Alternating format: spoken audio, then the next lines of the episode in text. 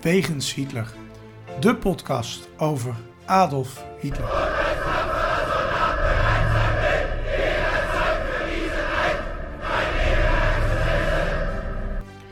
Dictator, alleenheerser van 1933 tot 1945. Een man met miljoenen doden op zijn geweten. Das war ein Befehl! Der Angriff Steiners war ein Befehl! Een man waar ongelooflijk veel verhalen over te vertellen zijn. Ook al die jaren na zijn dood. Herr Adolf Hitler heute Nachmittag in seinem Befehlsstand in der Reichskanzlei bis zum letzten Atemzuge gegen den Bolschewismus kämpfen für Deutschland gefallen ist. In deze podcast gaan Sjoerd en Niels van Andel de wegen van Hitler af. Ze kijken naar bijzondere plekken, naar vroeger, naar nu. En ontdekken samen met de luisteraar het bijzondere verhaal van de Führer van Nazi-Duitsland. Een nieuwe week, een nieuwe wegens Hitler. Sjoerd, het is goed weer tegenover elkaar te zitten. Want de laatste keer dat wij tegenover elkaar zaten, namen wij een eh, concurrentiepodcast op. Hè?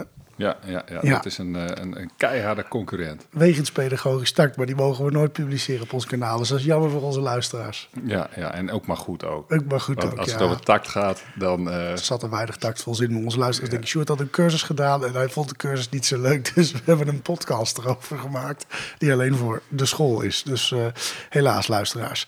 Ehm, maar goed dat we er weer zijn. Vorige week een weekje eh, de noodaflevering ingezet. Want eh, Ja, ik eh, had nou ja, hoofdpijn zondag. Daar komt het eigenlijk op neer. En het lukte even niet om op te ja, nemen. ik luisterde hem even terug en dat deed me toch weer denken aan een leuk, leuk weekje in Berlijn. Ja, dat toch alweer een maand geleden is, hè? zo gaat dat. Ehm, we hebben natuurlijk die actie met slogans. Hè? We hebben een, ja, een he- hele leuk aantal gehad. Ehm, deze week krijgen de winnaars even te horen wie het zijn. Maar ehm één tiran, twee man, één podcast. Nou, die, was, die, die liep lekker. Wegens Hitler doorbreekt de mythes en ontdekt de waarheid achter zijn nalatenschap. Eh, wegens Hitler de beste despotkast van Nederland. En een wat extremere eh Ein Volk, Ein Reich, Ein Podcast. Ja, Ja, en die- daar moest ik wel heel hard om ja, lachen hoor. we hebben daar wel heel hard om gelachen. We gaan hem niet gebruiken. dat durven we niet. Nee, nee, Ik ben bang dat we dan uit de lucht gehaald worden. Maar het is leuk om te zien dat zoveel mensen ehm, toch wat insturen en eh, jouw boek willen krijgen. Ehm, deze week gaan wij dus de twee winnaars van de vri- vrienden en de twee winnaars van de slogans eh, een mailtje sturen, een berichtje. Eh, als ze een berichtje hebben gestuurd, natuurlijk een berichtje, maar als ze een mailtje hebben gestuurd, een mailtje. En dan worden ze volgende week opgestuurd. Want dan moeten de boeken eerst naar onze verstuursponsor. En dan worden ze opgestuurd. Dus dat komt helemaal goed. Ehm, ja, verder. eh, we hebben weer wat nieuwe vrienden erbij. Dat blijft goed gaan. Blijf ons steunen. Ik denk dat we de 60 bijna bereiken. Dus dat is helemaal niet verkeerd. Ik moet zeggen, ik daar als wij 10 vrienden hebben aan het eind van dit jaar, dan hang ik de vlag uit. Maar het valt niks tegen tot nu toe. Nee, Hartstikke nee, fijn als je deze podcast ondersteunt. Ehm, het Maar kan je hebt ook verder niet zoveel vrienden, hè? Nee, nee, ik heb nu meer vrienden voor de podcast dan in mijn echte leven. Of zoals mijn vriend Kevin dan altijd zegt, jij jaagt iedereen weg. En eh op dat, op dat bombshell gaan we snel naar het eerste onderdeel. En dat is zoals altijd Hitlers dagboek.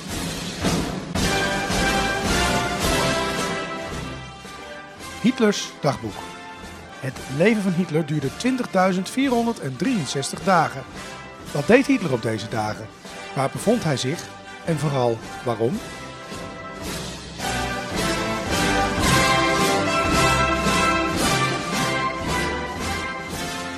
Ja, 5 juni 1919 gaan wij naar terug. En dan zal de luisteraar denken: hey, het is vandaag 12 juni. Dat klopt, we hadden hem van vorige week al voorbereid, maar hij kan toch en daar zijn we blij om.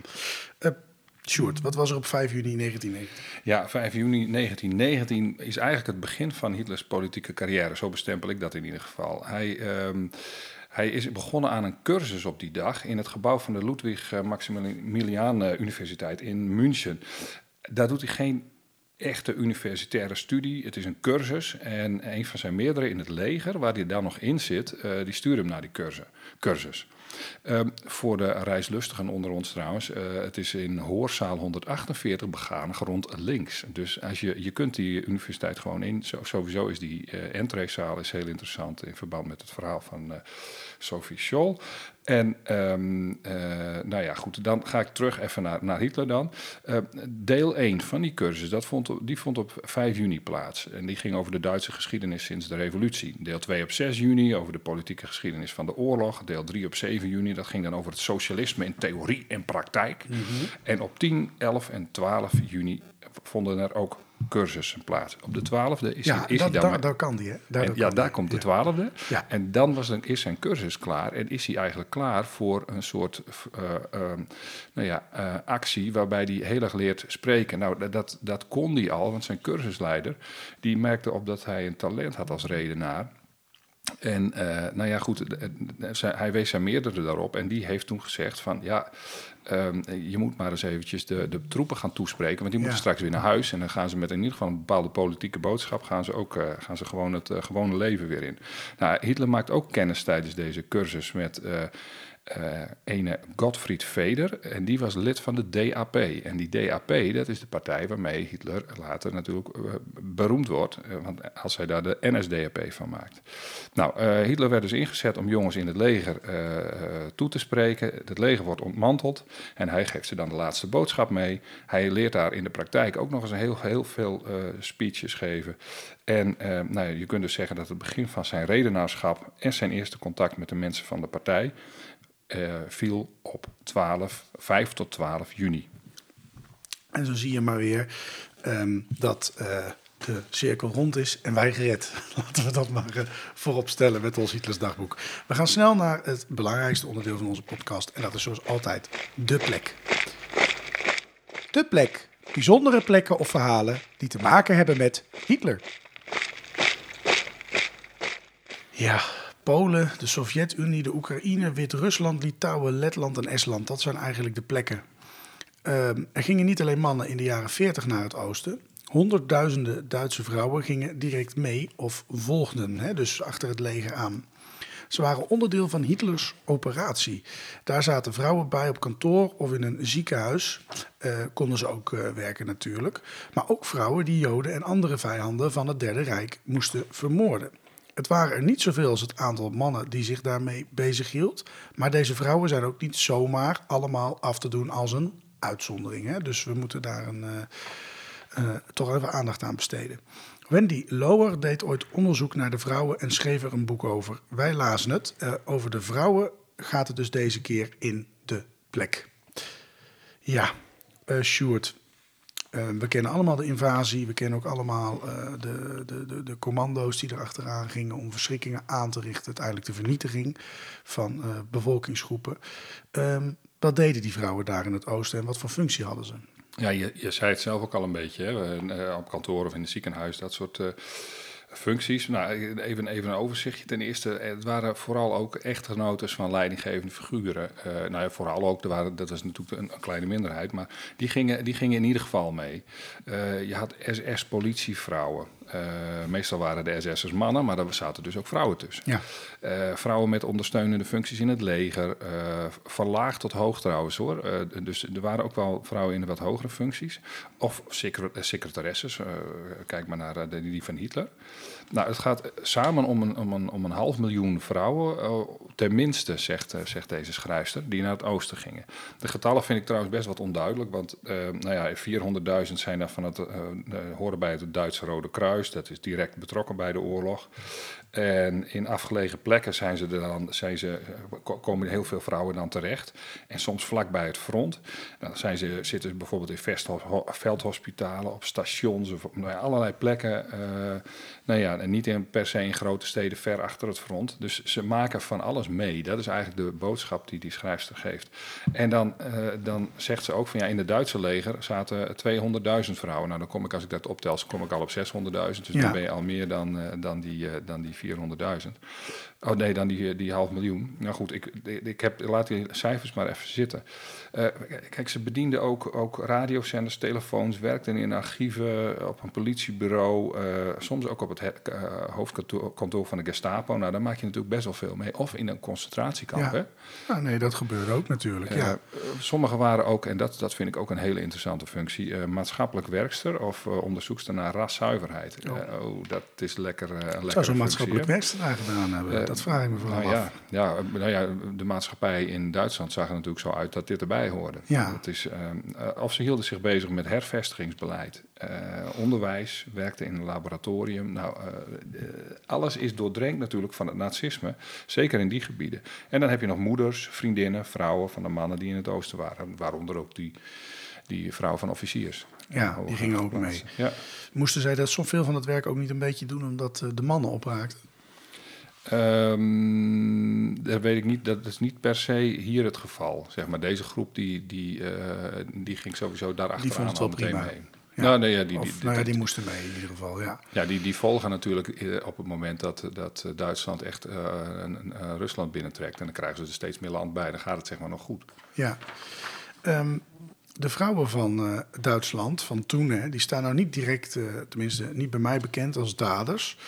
Eh, maar die werden eerder gezien als degene die Berlijn en de rest van Duitsland weer moesten opbouwen na de oorlog. Ja, ja en, en daar eh, heeft die schrijfster het ook een beetje over van... eh, de- laat je nou niet... nou ja, er zijn ook andere vrouwen.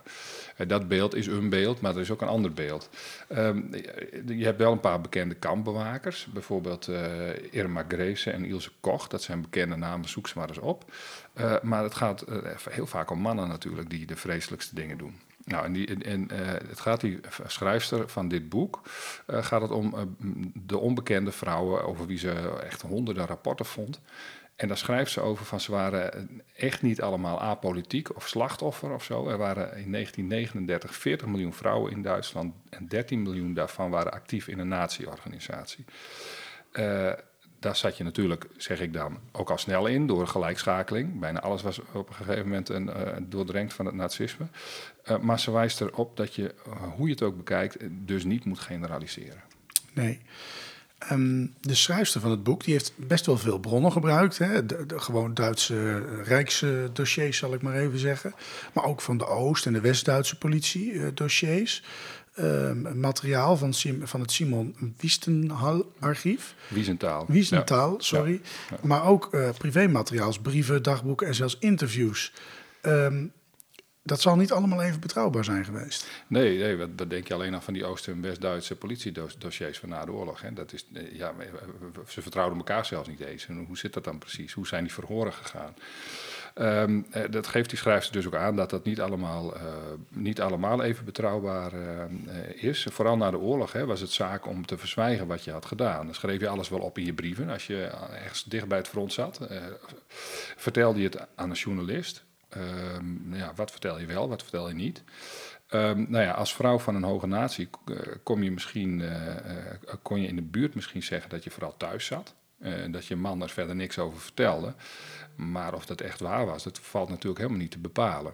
Nee. Ehm, eh, ja, ik denk dat veel vrouwen en mannen natuurlijk ook, maar we hebben het nu over vrouwen, hun mond hielden. En de schrijfster die wijst er dan op dat er verschil is tussen een ondervraging bijvoorbeeld bij een rechtbank of door een journalist. Eh rechtbank is toch, toch iets officiëler. Ehm, Sorry eh, voor de luisteraars voor het geluideffect. Ja. hij slaat even een vlieg dood. Oh, dat mag tegenwoordig ook niet natuurlijk. Hè? Nou ja, eh, Sorry. ja, we hebben het over ondervragingen bij een rechtbank of door een journalist. Ik ga gewoon verder hoor. Ja, gaat door. Ehm, eh, eh, ze, geeft ook aan dat, dat het normaal is erge dingen te verzwijgen. Zelfs als, als, als die ni- niet per se je intentie zijn. Zeg. Als, als het niet je intentie is om te verzwijgen, Ja. dan doe je dat misschien toch al. Ehm, eh, misschien verstop je het weg. Eh, nou, getuigen die willen niet veroordeeld worden, zegt ze. En eh, niet voor een rechter, maar ook niet door medemensen. Ja, dus dus daar wel moet je rekening mee houden met als je die verslagen leest. Ja, uiteraard. Want je loopt altijd het risico dat het uitkomt. Ehm, wat wel een beetje opvallend is in het boek hè, van, uh, waar, we het over hebben, is uh, dat er een behoorlijke ruk naar rechts is onder de vrouwen, met name in die periode van Weimar. Kun je dat verklaren? Ja, ja, ja. De vrouwen sloten zich aan bij de uh, conservatieven, vertelt ze dan. Hè. De, die conservatieven waren sowieso al in, in de meerderheid, maar ze sloten zich niet aan, en dat is opvallend, bij de nazi-partij. Niet massaal in ieder geval. in ieder geval ook niet meer dan de mannen. Dus uh, nou ja, ook niet in 1932. Uh, want ze zegt van ja, eigenlijk was de Nazi-partij de minst aantrekkelijke partij voor vrouwen. Nou, wel als je natuurlijk, uh, ik weet niet, tegenwoordig zijn ze allemaal geëmancipeerd. lieve vrouwelijke luisteraars, dat bedoel ik niet negatief. Maar, nee, ik, ik vind dat prima. Nee, prima, zeker. jij hebt er alleen wel andere ideeën bij, maar die zullen niet delen hier. Nee, dat is een grap, luisteraars. Maar ik bedoel, de NSDAP was nou niet echt van de vrouw die in de kracht werd gezet. Die was gewoon moedig. Ja, joh, ja, tuurlijk. Ja, daarom, daarom hadden, hadden speltjes vrouwen, voor. Ja, daarom hadden vrouwen in principe... Het was in ieder geval niet zo'n aantrekkelijke partij. Nee. Uh, ze mochten niet eens lid zijn. Het is een soort... Eh, wat bij de SGP ook niet mag. Hè? Nee, maar dat de is SGP een, doet dat een valse vergelijking gaan we niet maken. Ik vond Ad Hitler een beetje. dat, Jullie ook? Ik, nee, ik heb hem niet gemaakt. ik, uh, en, en, maar ze mochten ook niet op de kieslijst staan. Dat doet me er dan ook weer aan die partij denken. Oh nee, dat zal ik, dat zal ik niet herhalen. kijk, het, ook het politieke feest hè, in, in, in de bierhal en op straat bijvoorbeeld Hè. In de beginperiode was het echt een, een lompe bezigheid. Ik ken uh, nog wel een partij die dit vindt. Ja, ja, dat was niet voor vrouwen. Ja, nou, ja. ja we kunnen er nog wel een noemen. Maar dat hooliganachtige gedoe, dat, dat knokken ja. met communisten, dat was ook niks voor, voor, voor vrouwen natuurlijk. Nee. Misschien uh, ja, Tenminste, liepen er een paar rouwdouwers tussen die dat best interessant vinden, maar nou, dat, dat nog, was nog steeds niet zo. staan er vaak weinig vrouwen tussen die hooligans. Nou, dat, is, dat pleit voor ze. Uh, eind, eind jaren twintig mochten ze trouwens wel in demonstraties uh, meelopen, zelfs in uniform, alleen niet in parade voor de Führer. Las ik in dat boek van haar. En dat vind ik een interessant gegeven. Dat zou ik toch echt een keer willen checken. Maar goed. Niet um, naartoe gekomen, begrijp ik. Ja, ja. ja, ja als ik het kan vinden hoor. Ja. Uh, uh, misschien een luisteraar, dat zou ook wel interessant zijn. Loven wijst er trouwens ook uh, nog maar eens op dat het niet de vrouwen zijn die Hitler aan de macht hebben geholpen. Dat hoor je wel eens iemand beweren. en in propagandaboeken van toen kun je dat beeld ook wel een beetje krijgen. Hè? Van, die, van die zwijmelende jonge dames en, en ook, ook oudere vrouwen die echt gewoon bijna in, in zwijm vallen alsof Doe maar voorbij komt. Maar dan blijkt het de man met het snorretje te zijn. Nou, het, het is uiteindelijk, zegt ze, in 1932, 1933 een groepje mannelijke machthebbers dat hem toestaat. Hij heeft niet deze meerderheid. En, um, uh, dus, dus ja, weet je, ze, hebben, ze hadden ook een andere meerderheid kunnen smeden. Dat ging wat moeizaam natuurlijk. Maar ja, dat idee dat ze met hem samen links zouden kunnen verslaan, dat, dat, dat maakte van hem kanselier. Er was geen enkele vrouw bij betrokken. Ja, misschien dat er iemand koffie bracht of zo, maar dat was het. Nee, wel zo, zo, was het toen. Wel wonderlijk eigenlijk dat beeld van vrouwen die voor Hitler, hè? Dat, het is gewoon een grote boef. Ja, achteraf is dat natuurlijk makkelijker te zeggen. Maar op een gegeven moment was het ja. wel duidelijk dat het een boef was. En toen lag hij toch ook nog wel lekker bij de vrouwen. Uh, ja, ik weet niet. Op een gegeven moment was hij sowieso niet zo heel erg populair. Maar liet hij zich ook niet meer zoveel horen hè, toen het echt misging. Ja, oké, okay, maar dus dat is wel een beetje op het eind. Dat is echt op het eind. Ja, ja, ja, ja uiteraard. Nou, nu we het toch over vrouwen hebben. De, want daar hebben we het de hele tijd al over, dus kunnen we er even op doorgaan. Um, als ze Hitler al aan de macht geholpen zouden hebben, dan was hij ze niet erg dankbaar. Want in 1933 werden er meteen even 8000 vervolgd door hem. En dat waren niet de vrouwen um, die op Hitler hadden gestemd, laten we het zo maar zeggen. Mhm. Mm -hmm. Dat ging om communisten of de zogenaamde asocialen. Uh, dat had wel gevolgen, want in kampen of gevangenissen uh, werd dan ook wel eens een deel van het vrouwelijk personeel uh, aangesteld, hè? Ja, ja, daar, ja, daar kwamen uh, nou ja, 3500 uh, vrouwen werden opgeleid tot bewaker van een kamp. Of, ja, en ik bedoel dus mee te zeggen, er, er moesten vrouwelijke bewakers komen. Ja, ja, omdat je natuurlijk te maken hebt met uh, nou ja, verschillende seksen, dus dat werd ook anders benaderd. En als je moet, weet ik veel wat, binnenkomt, of zou je wel gefouilleerd worden en dat soort dingen. Dus dat, er werd, moest van alles daar ook komen werken. die, die melden zich soms vrijwillig, hè? En daar waren ook wel redenen voor, want je kreeg een goed salaris, of, of je had een crimineel verleden of zo. En dan, uh, ja, weet je, dan, dan, dan zorgde dat er wel voor dat je een beetje gerehabiliteerd werd in het Rijk. Dus dat, dat was hartstikke mooi. Maar het kon ook gewoon zijn omdat je een medische opleiding had. Nou, uh, uh, Hitler gaf, gaf aan dat vrouwen thuis, maar ook binnen de beweging een rol hadden. Um, dat, dat zei hij dan tijdens zijn speeches. Hè? Dus die, die hamerde er wel op dat dat traditionele vrouwelijke rol was. En dat ging met name om dat baren van, van kinderen voor het volk. En eh, je moet ook helemaal geen verdere emancipatie verwachten. Uh, toen ze nodig waren in de fabrieken, waren ze nodig in de fabrieken. Dat is gewoon noodzaak. Maar vrouwen die een stuk of zeven kinderen baarden, die, die, die, die deden meer voor de staat dan vrouwen die advocaten werden, zei Hitler. Dus nou, de, ehm, ehm, de, man, die bleef de rechter, zei hij, de soldaat en de staatsbestuurder. Ja, toch kun je wel zeggen dat de NSDAP een behoorlijke behoudende partij uh, staat op een gegeven moment wel toe dat vrouwen aan het werk gaan. Dat zou je toch vreemd kunnen vinden? Uh, uh, ja, dat, dat, dat zou veroorzaakt zijn. En dan praat ik dus echt ook die, die schrijfster weer na. Dat is ook de, de opzet van dit, van dit verhaal een beetje. dat hun politieke bewustzijn groeide. Um, dat ziet ze terug in de memoires en in interviews. Die vrouwen die zeiden dat ze tijdens hun jeugd het idee krijgen dat ze echt iets wilden gaan doen met hun leven. Um, niet alleen in het huishouden. Dus, dus dan gingen jonge vrouwen, verlieten dan hun dorp, werden verpleegster, gingen bij een politieke beweging. Vooral dat element natuurlijk. En dan wilden ze ook bijvoorbeeld zich uh, nuttig maken. En dan leerden ze typen. En dan werden ze secretaresse op een politiebureau of weet ik veel wat allemaal. Maar ze gingen ook buiten aan het werk, buiten huis, buiten hun dorp. Ja. Um, Duitse vrouwen hè, die namen um, um, deel aan de invulling uh, van, van, het hele idee van Hitler van levensruim in het oosten. Uh, waarom moest de Sovjet-Unie aangevallen worden? Er was meer ruimte nodig. Uh, met name grondstoffen waren nodig, natuurlijk, weten wij nu. daar was een nieuw Arisch woongebied in ieder geval bedacht. En men schilderde daarvan wel een romantisch beeld. Hè. Dat zou allemaal prachtig mm -hmm. worden. Uh, het lijkt een beetje op koloniseren, koloniseren hè, van het Wilde Westen in Amerika. Uh, wij gaan daar wel eventjes uh, ja, beschaving brengen, zal ik maar zeggen. Ja, ja. Um, het probleem was dat het plan ook inhield dat 20, 30 tot 50 miljoen Slavische Untermenschen gedood of gedeporteerd moesten worden. Dat was wel even een uitdaging, want er woonden al mensen. daar is weinig romantisch aan. Uh, maar goed, die uh, twintig uh, jaar, kregen de naties gelukkig niet om dat even voor elkaar te krijgen. Ja, ja, maar dan krijgen die vrouwen die daar dus naartoe gaan in het Rijk, die krijgen er wel mee te maken. En die hebben dat gezien.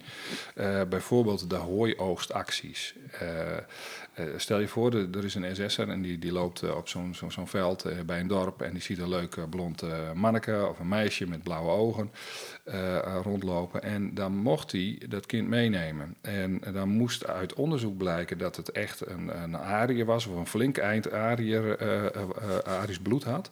En dan mocht je dat kind voor adoptie naar Duitsland sturen. Uh, dat was voor onvruchtbare vrouwen, maar ook soms door politiek gedreven uh, uh, types. ja, die, die konden daar dan gebruik van maken. Um, bij het aanpassen van de bevolking in het oosten duiken trouwens ook vrouwen op. Dus bijvoorbeeld die vrouwen die hervestigingsambtenaar waren of, of rassenonderzoeker. Dus, dus die hebben daar van alles mee te maken en hebben dat gezien. En, hadden, en er misschien zelfs aan meegewerkt. Ja, ja, absoluut. Ja, ja tuurlijk. Ja. Um, in het begin hadden we het al over. Er gingen verpleegsters naartoe, kantoorpersoneel, natuurlijk ook gewoon uh, leraressen. Dat hebben we misschien ook al wat tussen neus en lippen genoemd. Uh, die hadden allemaal met de natiepolitiek te maken, hè? Dat, mm -hmm. dat is duidelijk. Maar um, het zijn niet direct moordenaressen. Hè? Het is niet dat als je achter de typemachine zat bij een generaal, dat je dan Nee, nee. Tenminste, nee. Uh, ja, je werkt er wel mee. Maar goed, het is niet dat als je harder typt of zachter dat de oorlog anders nee, zou lopen. Nee, zeg maar. nee, nee, nee. Een uh, voorbeeld van. Maar, wat ik, waar ik even naartoe wilde, er zitten natuurlijk. Uh, ook tussen verpleegsters die hulp moeten bieden, zaten gewoon moordenaressen, bleek mm -hmm. uit het boek. Hè? Ja, ja nou, je, je hebt er. Um, Pauline Knijsler, hè, die wordt genoemd in het boek. Het is gewoon een naam, ik ken haar verder ook niet, ook niet uit andere bronnen. Dat was een verpleegster, die werd opgeleid in uh, Duisburg. Uh, die was sinds 1937 was lid van de NSDAP. In 1939 uh, wordt ze opgeroepen en dan gaat ze naar het hoofdkantoor van het uh, euthanasieprogramma van de nazi's. Nou, dat is, als je dat al hoort, dan denk je, oeh, foute boel. Dan zit je wel echt in de foute hoek. Ze waren vrij om mee te doen, dat was, dat was punt 1 al. Je hoefde niet per se mee te doen, maar deden ze mee, dan was geheimhouding essentieel. Uh, daar moesten ze zelfs op zweren. Dus ja. dat, dat, nou dat speelde. En als je dat brak, dan betekende dat de doodstraf. Dus uh, nou ja, oké, okay, onder die condities deed je mee aan het euthanasieprogramma. Um, reisde instellingen af waar gehandicapten zaten.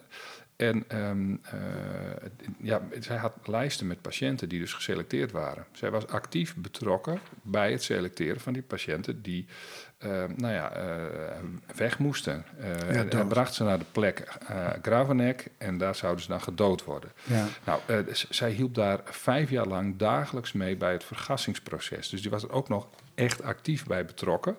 Eh, en bij het laten verhongeren hongeren en, en- en, dodelijke injecties geven aan, aan, aan, aan, aan, eh, aan, aan, aan- aan die kinderen. Dus dat is een voorbeeld van een vrouw die echt actief betrokken was. Ja.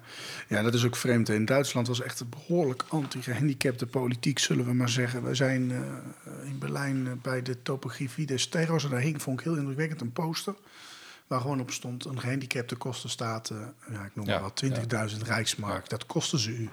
Ja. Dan moet je eens voorstellen dat dat nu een partij zou doen. Van, eh, ja, die gehandicapten, joh, die kost ons veel te veel geld. eh.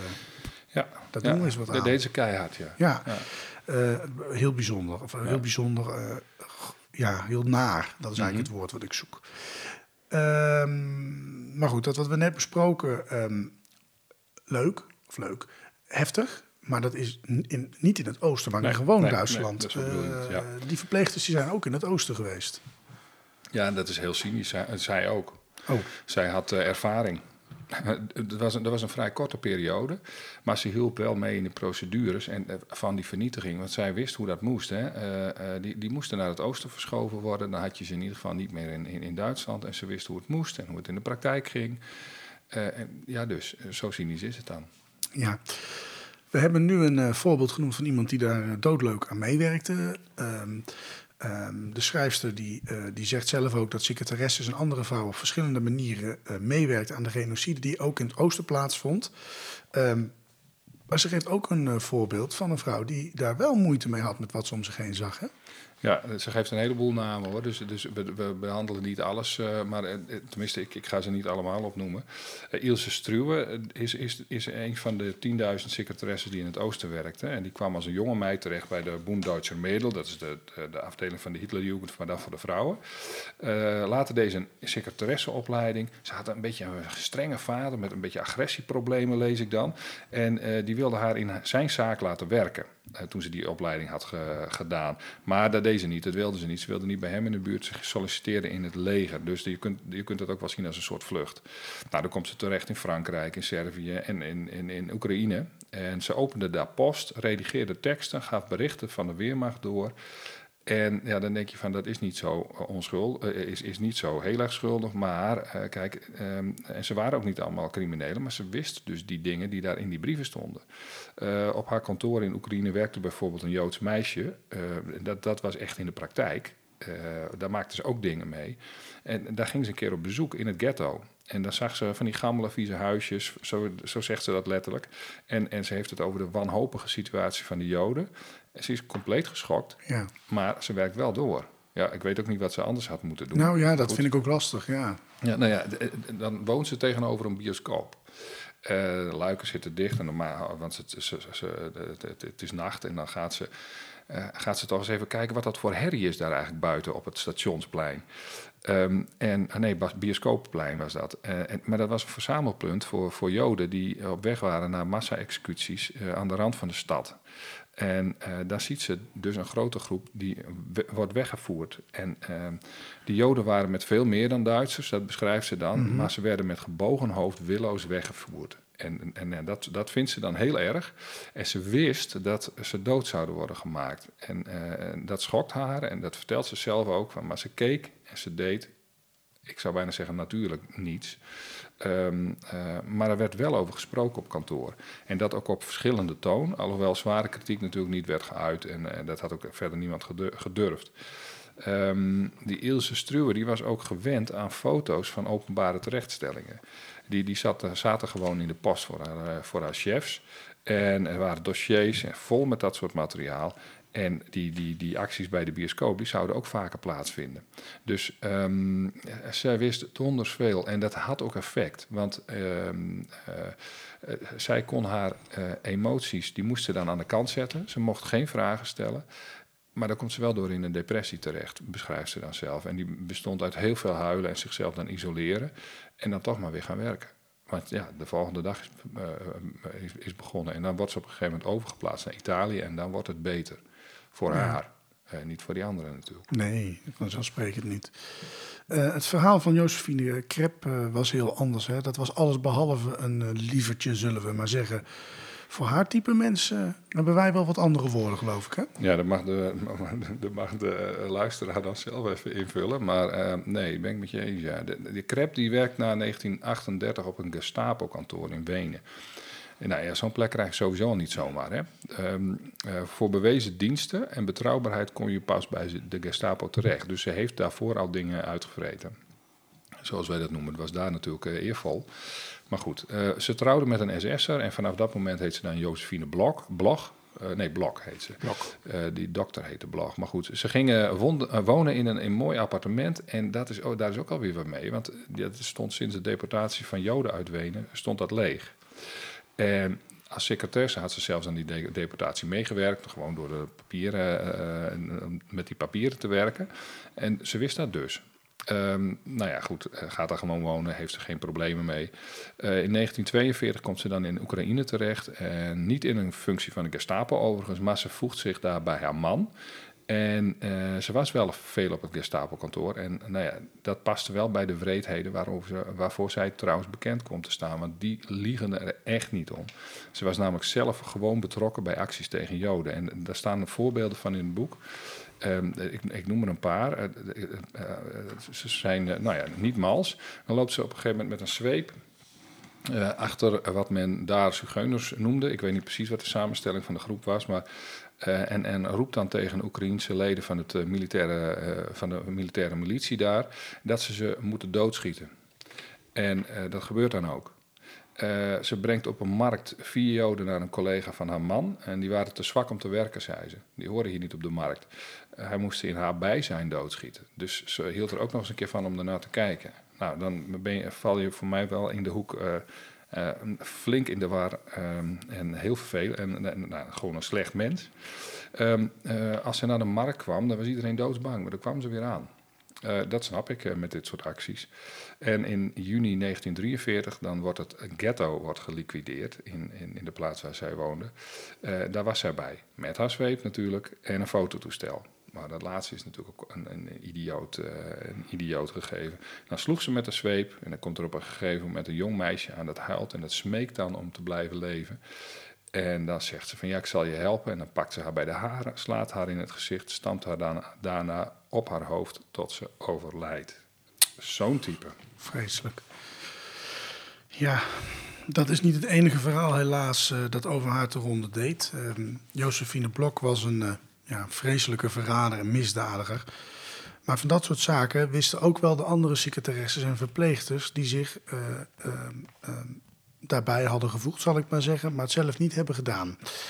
En deze twee vrouwen die we dus hebben besproken, die, die staan eigenlijk symbool voor deze twee typen daders. We hebben het wel allemaal over daders.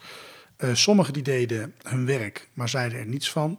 En anderen deden keihard mee. Het boek dat we hebben gelezen vertelt ons veel meer over vrouwen in vergelijkbare situaties. Het boek heet Hitlers Furien en werd geschreven door Wendy Lower. En het is helaas vooral nog tweedehands te verkrijgen.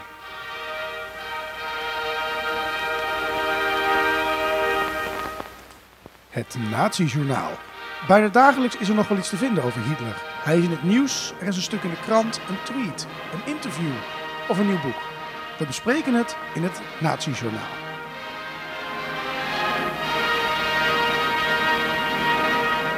Ja, van uh, luisteraar Tessa kregen wij een uh, interessante Twitter-discussie uh, doorgestuurd.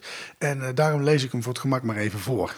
We hebben meneer A en die zegt: waarom zou men journalisten niet extreem rechts of zelfs fascistisch mogen noemen als ze dat wel zijn? En politieke partijen en omroepen eveneens. Onzin als je daarmee gelijk zou stellen uh, dat je daarmee gelijk zou stellen aan Hitler en zou oproepen tot haat en geweld. Nou, meneer B reageert daarop. Logisch dat je een overlevende bent van WO2. Een vraagje, was u toen burgemeester? Waarop meneer A antwoordt, concentratiekampbewoner.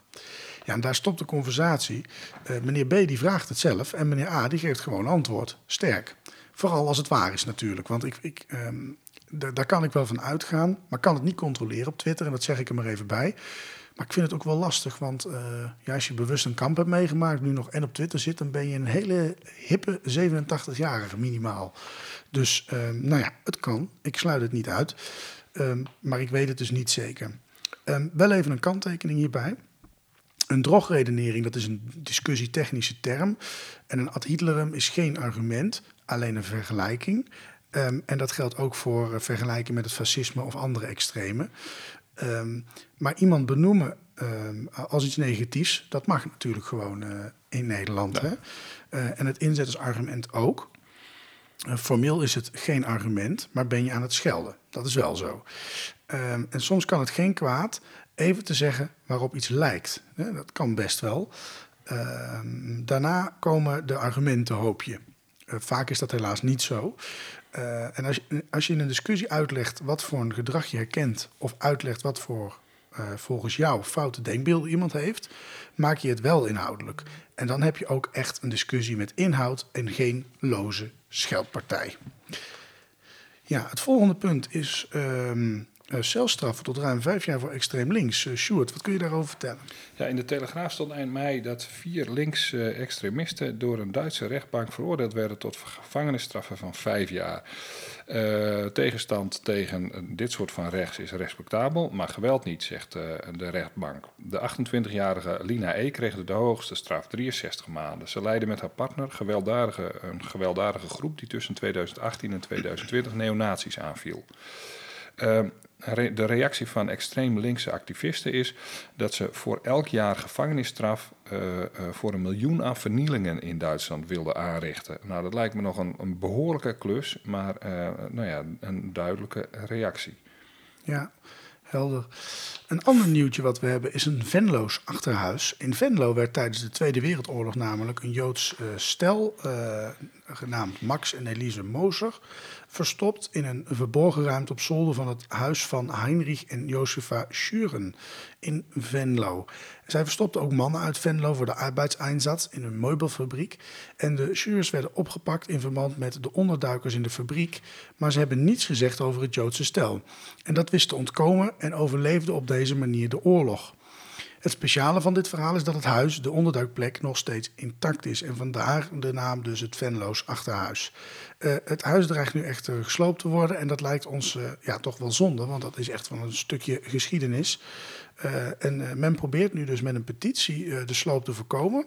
Dus als je nou even op internet intypt, behoud het Venlo's Achterhuis bij petitie.nl, dan kun je het ondertekenen. En Sjoerd die heeft dat als eerste al namens ons gedaan. Uh, een openstelling van dit huis zou natuurlijk mooi zijn. Klein verzetsmuseum ondersteund door de gemeente Venlo. Dus als de gemeenteraad nou even luistert, ja. dan hopen we dat u daar wat mee doet. Nou, wie weet, hè? Ja. ja. Het volgende zijn wat vragen van uh, een luisteraar naar aanleiding van de Geuring-uitzending. En die wilden we meteen even plat uh, schieten, die uitzending dan, uh, even die vragen. de vragen waren, waarom heeft, Hitler, waarom heeft hij Hitler nooit vervangen? Uh, vertrouwde Hitler hem niet meer op het laatst? Dat is een vraag. Waarom was hij zo belangrijk en niet Goebbels of Himmler? En is Geuring de hoogste natie geweest die in Nederland is geweest? Nou, Sjoerd. Ja, je kijkt mijn vragen. Laten ik heb maar... geen idee. Nee, ik, ik weet nee, laten we ik... met die laatste vraag maar eens beginnen. Was ja, het de hoogste ja. natie ooit in, Duits, in uh, Nederland? Ja, volgens mij wel. Als je, als je bijvoorbeeld, dat is wel grappig om te doen. Als je uh, intypt uh, Geuring Amsterdam, dan zie je direct een foto van Geuring bij een kunsthandel. Dat is eigenlijk de eerste, een van de eerste foto's die je ziet. ziet. Geuring en kunst en alles wat hij meenam. Hij betaalde er bijna altijd voor trouwens. Ik wil niet zeggen dat dat direct heel erg marktconform was, maar toch wel in de buurt hoor. Um, Geuring Rotterdam kun je ook intypen. En dan zie je uh, bijvoorbeeld bij het huidige Zuider Gymnasium staan. Daar ben ik nog een keer weer naartoe geweest, om, om, omdat we toch in Rotterdam waren. En we hadden die foto, dus even kijken of dat er nog is. Die plek is eigenlijk nog precies terug te vinden. Um, dat, dat gebouw staat er nog, ook, uh, ook na het bombardement. Misschien is het toen gebouwd, dat weet ik eigenlijk niet. Het is een beetje uit, de, uit het centrum van de stad. Um, ja, uh, hij, heeft nog meer vragen. Hè? Um, uh, ik, ik, ik, versimpel het een beetje. Het is, het is, een beetje kort. Um, uh, maar voor, voor het nieuws is het iets langer. Dat wordt dus, nou goed, we moeten het even bespreken. Geuring was een junkie hè, toen hij voor de NSDAP ging, ging werken. Maar hij, hij werd toch de voorzitter van de Rijkstaak. Nou, hoe haalden ze het in hun hoofd? Hè? zelfs Goebbels die klaagt dan over zijn gedrag. want ja, hij is meer bezig met, met zichzelf dan met, met beleid maken of erover nadenken. Maar hij was heel intelligent en sluw en belust op macht. En hij kon ook heel vriendelijk zijn. Nou, Hess was in die tijd de tweede man na Hitler, maar dat was alleen binnen de partij. Bormann is daar zijn opvolger van, maar dat is dus ook binnen de partij. Um, Geuring was Hitlers vervanger als leider uh, van de staat. En hij was echter veel handiger en sluwer in het vergaren van macht dan een heleboel anderen. Uh, die liet hij dan wel uitvoeren door vrienden, uh, maar met hem zeg maar als opperwezen daar een beetje boven zwevend. Ja, ja helder. Ja. Himmler had bijvoorbeeld zijn, ook zo'n be beroemde man, die had ook zijn SS.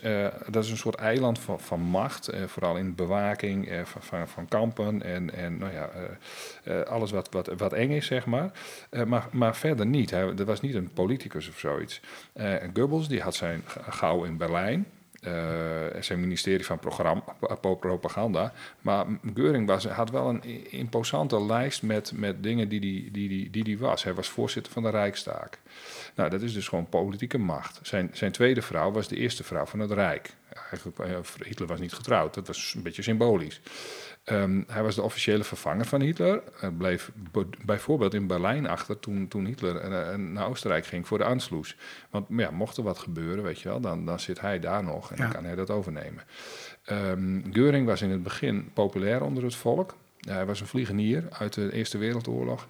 Uh, en, en, en ja, die populariteit is natuurlijk ook een vorm van macht. En dat is Hitler ook de onderschoed. Nou, hij gaf niet snel dingen waarover hij heerste uit handen. Uh, bijvoorbeeld de afluisterafdeling, die eigenlijk onder Himmler had moeten vallen, dat, die hield hij gewoon in handen. Dat, wilde hij niet, uh, dat, gaf hij niet af. Tijdens de Anschluss en tot aan Polen, tot aan Polen was hij belangrijk, ook al wilde Hitler liever uh, de beuk erin, dan allerlei politieke oplossingen die hij bedacht, die Geuring bedacht, van bijvoorbeeld bij Tsjechoslowakije. Um, daar had hij niet zoveel zin in. En toen Polen begon, toen kon hij ook inderdaad echt gaan oorlog voeren. Um, toen heeft hij Geuring eigenlijk een beetje buitenspel gezet. Hij was de minister van, uh, van Binnenlandse Zaken van Pruisen. Hij had ook nog economische macht, want hij, had, hij was verantwoordelijk voor de vierjarenplannen. Uh, ja, die had hij in handen. Die werden op een gegeven moment wel een fiasco, maar uh, mm -hmm. hij, hij, kon zich wel bemoeien met productie van voedsel, et cetera, et cetera. En hij was erbij vanaf het prille begin. Himmler ook, maar Geuring zat eigenlijk steeds dichter bij Hitler. Nou ja, uh, dat is in ieder geval een reden waarom hij zo hoog zat en waarom hij zo gewaardeerd was. Ja. En macht had. Nou, uh, Speer had een concurrent kunnen zijn. Uh, die ging over de oorlogsindustrie. Die profiteerde ook van, van eerder beleid, net als, net als dat ook zeg maar door Geuring was ingezet. Dat had ook zijn weerslag op, dat, op, op het ministerie van Speer. Maar um, ja, weet je, Hitler liet mensen niet zomaar vallen. En heel veel figuren blijven ook heel lang bij hem. Als je, als je ziet hoeveel verschillende mensen daar over die, uh, over die periode nog steeds bij hem zitten. Ja. Soms al vanuit de jaren twintig. Dat is opvallend. Um, uh, nou, weet je, op een gegeven moment gaat het wel mis met de luchtmacht. En, en dan, uh, daar kan Hitler natuurlijk ook niet echt omheen. ze, ze werkte niet. En uh, het gaat pas, e-, pas echt mis als, het, als Hitler al in de bunker zit alleen. Dat, dat duurt echt lang. En dan doet Geuring die beroemde uh, uh, poging om, om, om de macht over te nemen, omdat hij niks meer van Hitler hoort. Eigenlijk zijn functie. Hij moet weten van, heb jij nog mogelijkheden om de macht uit te voeren? Als dat niet zo is, dan neem ik het van je over. Um, Hitler kan eigenlijk niet meer communiceren, maar Geuring die stuurt dan een, een brief of een, nee, er komt in ieder geval een bericht binnen en uh, nou ja, dan zien Bormann en Hitler dat als een greep naar de macht en dan laten ze hem arresteren. En dan laten ze hem vallen. Maar niet helemaal, want er is in de bunker ook uh, iemand anders, die wordt direct gefusilleerd als ze, als die, uh, als ze erachter komen dat hij zich niet helemaal aan de regels houdt. Gebeurt met Geuring niet. hij liet hem niet vermoorden. Hij liet hem alleen maar vasthouden. Nou, tijdens het tribunaal van Nuremberg, en dat vind ik ook wel weer symbolisch, is Geuring wel degene die Hitler niet laat vallen. Speer doet dat wel. Um, dus dat, dat had Hitler dus blijkbaar toch goed gezien. Ja, dus zo uh, uh, blijft die band toch uh, tot het bittere eind in stand, zeg maar. Nou, we hopen dat de vraag van de luisteraar hiermee voldoende beantwoord is. En dan gaan we, ik hoor het gehuil op de achtergrond, snel naar ons laatste onderdeel. Van nu naar vroeger. Van nu naar vroeger. Wat speelt er nu in ons nieuws en hoe zat dat in de tijd van Hitler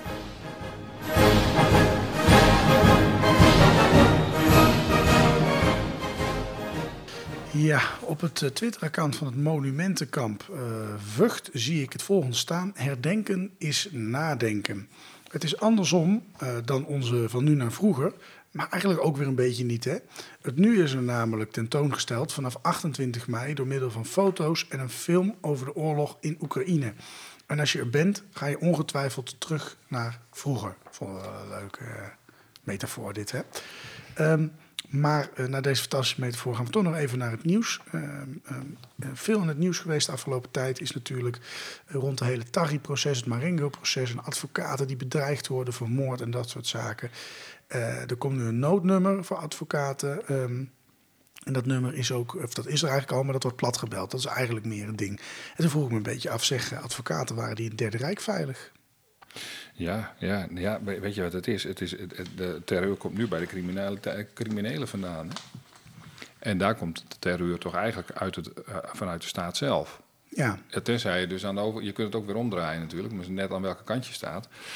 Uh, ja, wij zijn wel bij dat volksgerechtshof geweest, hè? Ja, daar zijn wij geweest. Is, Dan ben je advocaat en dan probeer je je werk objectief te doen.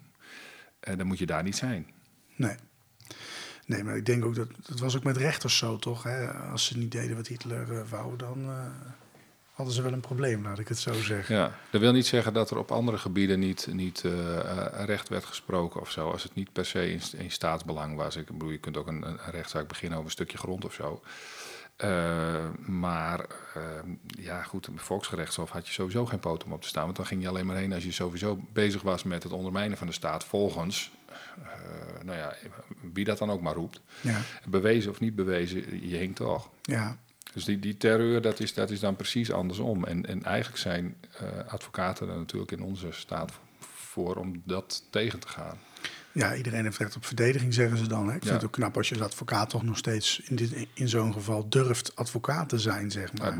Ja. Er is toch weer iemand bereid gevonden.